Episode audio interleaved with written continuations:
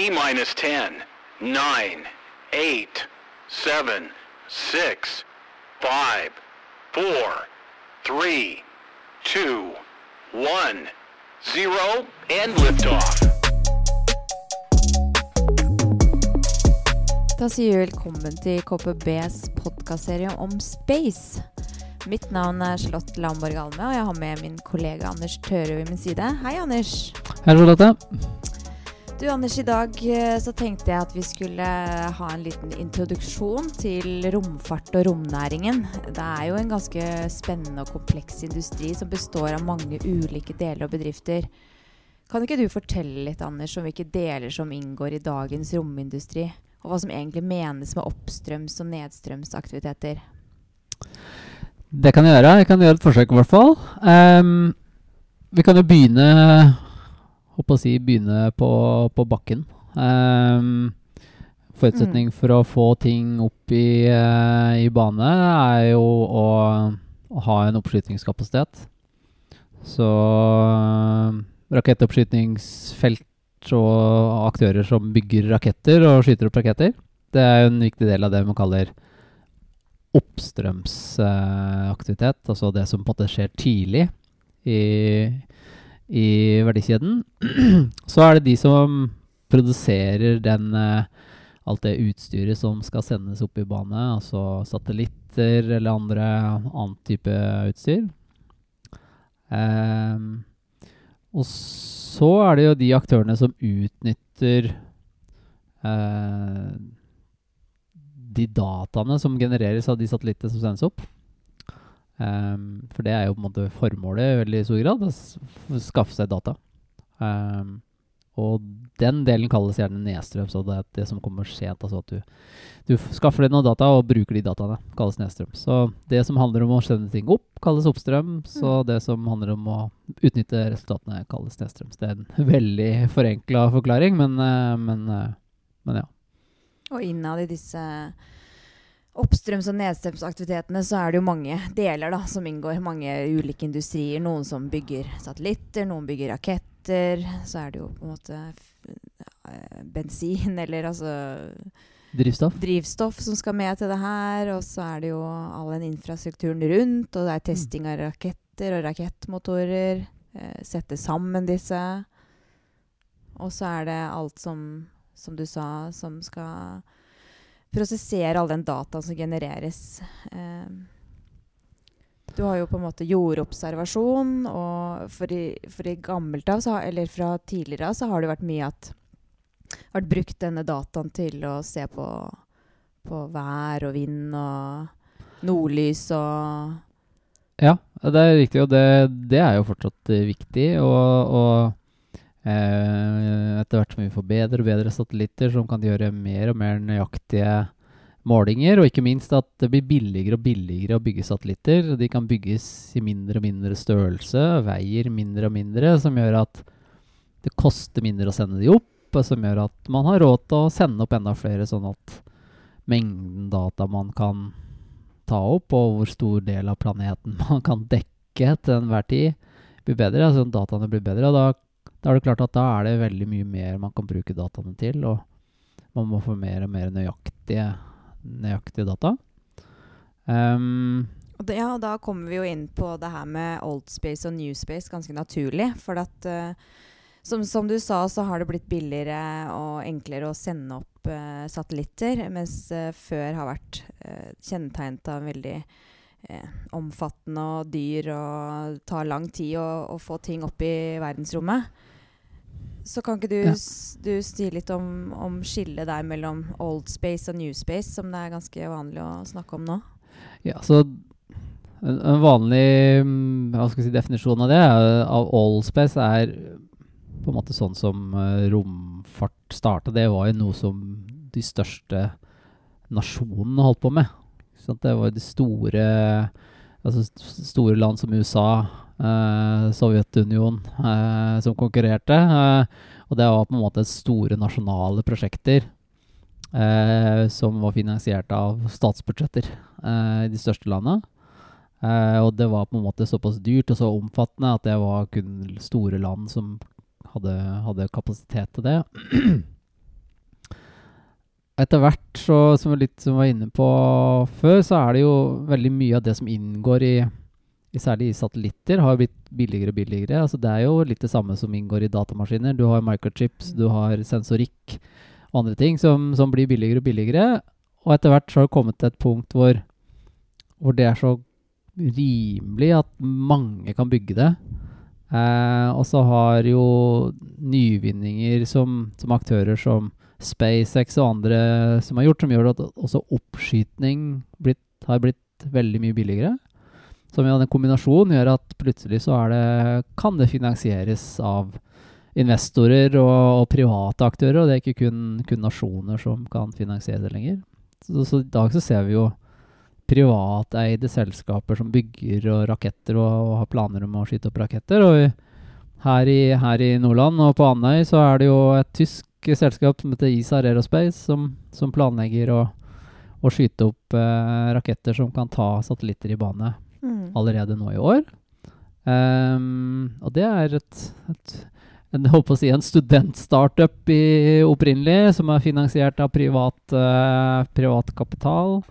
Uh, så, og det er jo noe helt nytt. altså At privat, helt privatfinansierte initiativ kan, kan stå bak uh, det. Og det er på en måte det man kaller new space. da, At det er blitt kommersielle mm. aktører mm. som, kan, som, kan, stå bak det. Ja, Så det har blitt en kommersielling av, mm. kommersialisering av romfarten. Eh, og, men hvorfor er vi egentlig så opptatt av romfart akkurat nå? Så klart denne kommersialiseringen spiller en rolle. Men hva er det som egentlig skjer nå i Norge, eller hva er i ferd med å skje? Så det som jo er i ferd med å skje, kan man si, i Europa, da, er at vi er i ferd med å få eh, kapasitet til å sende opp ting i bane fra europeisk jord. Det har jo ikke skjedd tidligere. Og den mm. kapasiteten mm. blir nå bygd på Andøya her i Nordland. Mm. Uh, så der er vi på en måte med på en revolusjon i europeisk sammenheng her, uh, her i Nordland og på, på Andøya. At, at, vi får den kapasiteten. Så er vi jo Ja, da står vi plutselig helt, vi helt i sentrum av en stor utvikling. Um, og, og, fordi at det har blitt, uh, blitt billigere å bygge det som skal sendes opp, og det blir billigere å bygge raketter og gjøre oppskytninger, så er det plutselig mange, mange flere som uh, Etterspørselen etter det er blitt veldig, veldig stor. Mm. Og da er det mangel på kapasitet på steder å sende opp. Og da er det plutselig stor etterspørsel etter uh, oppskytnings, si, oppskytningsanlegg, da, sånn som planen som Andøya Space nå, nå bygger eh, på Andøya. Verden kommer til Andøya, ser det ut til? Ja, det ser sånn ut.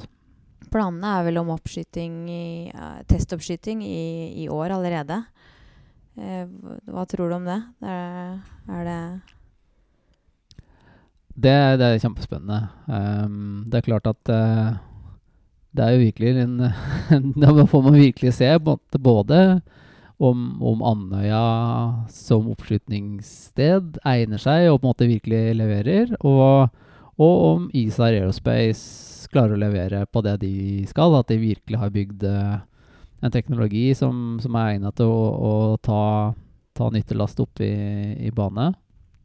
Og klart lykkes de med det, så da er det mange som står i kø, og som vil uh, kjøpe kapasitet fra de og sende opp. Uh, og sånn jeg har forstått det, så har man jo tillatelse til, eller lisens til, da, på Andøya å sende opp opptil 30 oppskytninger i, i året.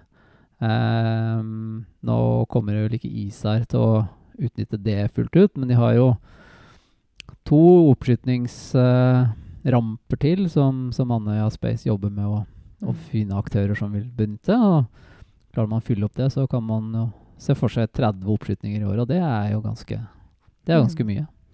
For vi, vi, har vel eller kanskje mannen i gata tenker mer på sånn romfart som månelanding, og at vi skal eh, bosette oss på Mars. Men romfart har jo ganske mange andre muligheter eh, og et enormt potensial egentlig til både å løse klimaendringer og ressursmangel.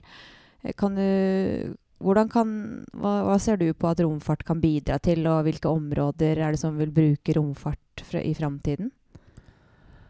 Altså, du var jo inne på det her med klimaendringer, og det er jo sant, en av våre største utfordringer. og klart det er viktig for å gjøre det, er jo å, å forstå enda bedre hva som foregår her på jorda. Og, og, og da vi jo, kan vi jo bl.a. bruke satellitter i bane rundt jorda til å skaffe oss bedre oversikt, både over det som foregår på havet, og det som foregår på landjorda. Både utvikling når det gjelder temperatur Mm. Eh, og, og andre forhold. Så sånn sett så kan det bidra til å gi oss bedre kunnskap om hvordan ting, ting er, og hvordan ting utvikler seg. Eh, både på jorda og i atmosfæren, for så vidt. Eh, så sånn sett så tenker jeg det er, det er viktig. Um, ja, mer og, og billigere data. Mm. Uh, du var inne på det her med, med Det er på en måte et skille i romfart selvfølgelig mellom romfart som handler om ting som foregår på jorda, altså satellitter som enten gir oss mer informasjon, eh, jordobservasjon, eller satellitter som, som brukes til å sørge for at vi får bedre kommunikasjon, altså Mm. eh, satellittkommunikasjon, eller, eller satellitter som brukes til å gi oss eh, til posisjon, altså GPS-satellitter Mm. og sånne ting. Så, så en veldig stor andel av aktiviteten i romfart handler selvfølgelig om Egentlig handler om ting som foregår her på jorda. Mm. Men, men det som handler om eh, undersøkelse av andre deler av eh, solsystemet, Mm. og, og for så vidt også på sikt andre solsystemer, som jo faktisk noen har ambisjoner om, Mm. det er jo også kjempespennende. Og det har også vært en oppsving i, i det. Nå har vi sett at eh, India nylig landa Mm. en, en, en, en landingsfartøy på, på månen. Og, og Russland gjorde også et forsøk som ikke gikk ut så, så bra. Men det er på en måte, det viser at det er en oppsving i, i aktivitet knytta til å Mm. lande på månen. Og det begynner jo å bli ganske mange år siden man landa på månen sist. Mm. Uh, så det er tydelig at det er viktig. Uh, og så jobber man for å ja, sende opp uh, ting som gjør at vi kan forstå universet utafor både jorda, og månen, også utafor solsystemet bedre. Mm. Um, så det er jo spennende. Og romfart har jo også en, blitt enda viktigere for forsvar og sikkerhet nå med den geopolitiske situasjonen. Eh, så der kommer vel også til å bli et behov da, for å kanskje kunne skyte opp ting eh, litt raskt. For det tar, har jo tatt eh, historisk ganske lang tid for å få ting opp i bane. Ja, det er riktig. Og det, er Du nevner jo geopolitiske situasjonen, og særlig kanskje krigen i Ukraina, som har illustrert veldig godt hvor eh, hva skal vi si, hvor viktig bruk av satellittdata kan være i en, en krigssituasjon. Og, og det å ha kontroll på en, en, en eh, ja, en krigsskueplass, eh, og på en måte kanskje også hindre fienden i å ha den samme oversikten, blir, blir viktig. Ehm, og, og man har jo sett eksempler på aktører som konkret øver på å skyte ned satellitter i bane. Um, Mm. I den hensikt å hindre motstanderen i å skaffe seg gode data. Og det er klart, da blir det viktig å kunne erstatte de tinga som blir skutt ned, raskt. Og da er det et, uh, si, et konsept eller en tema som, som blir kalt for uh, responsive space, uh, som egentlig handler om akkurat som du sier, å Mm. raskt kunne erstatte ting som har blitt uh, skutt ned, og ikke sant, ned til kanskje bare noen dager eller bare noen timer Mm. kunne skyte opp. Og det er klart, da må man ha da må man ha ting liggende. da må man ha, ha både satellitter og, og egentlig oppskytnings... eh, altså raketter, Mm. Raketter, ja. klar til å, til å kunne skyte opp raskt. Og det er klart det er jo enormt ressurskrevende mm, aktivitet. Mm. Og så har man jo også det med, med det etiske aspektet om hvem som eier rommet, og hva vi skal gjøre med all romsøppel og sånn. Så det er jo eh, liksom enorme potensial for både jeg tenker, vekst i romnæringen og, og ting å hente ut da, fra de dataene. Og så ja, hva, hva tenker du om, om eh, framtiden nå, og hva som er i ferd med å skje, og, og hvor hvor vi skal de neste årene? Ja, jeg tenker jo at eh, Altså, vi som er her vi er, da, eh, i, i Nordland og, og i Norge, så tror jeg at det blir veldig spennende. Altså, det kommer til å bli mye aktivitet. Eh, som jo gir spennende industrielle muligheter, selvfølgelig. Eh, så tror jeg den utviklingen som har gått de siste åra i, i forhold til det at ting har blitt enklere og billigere og kan bygges i mindre og mindre størrelse. Og raketter kan gjenbrukes, eh, som gjør at de blir billigere. Det gjør at eh, det kommer til å bli en stor vekst i, i aktivitet. Um, uh, som, som ja, gir noen spennende muligheter for norsk, for norsk næringsliv. Og norsk romnæring er jo allerede, har jo en, allerede noen store, sterke aktører som er involvert i mye av det som skjer ute, Mm. ute i verden. Og det tror jeg bare kommer til å forsterke seg. Mm. Så det er jo et veldig spennende og mangsidig tema vi er inne på nå. Så det er jo de kommende episodene så skal vi da snakke litt med ulike eksperter. Men vi tenkte å lage en liten eh, introduksjonspod til eh, dette temaet, da det er både komplekst og omfattende. Så det var vel det. Vi skal bli med oss videre når vi dykker eh, dypere inn i denne næringen og hører med andre eksperter og aktører innen romfartsnæringen i Norge. og Det blir spennende. Ja, vi gleder oss til det. Ja, det gjør vi. Takk, Anders.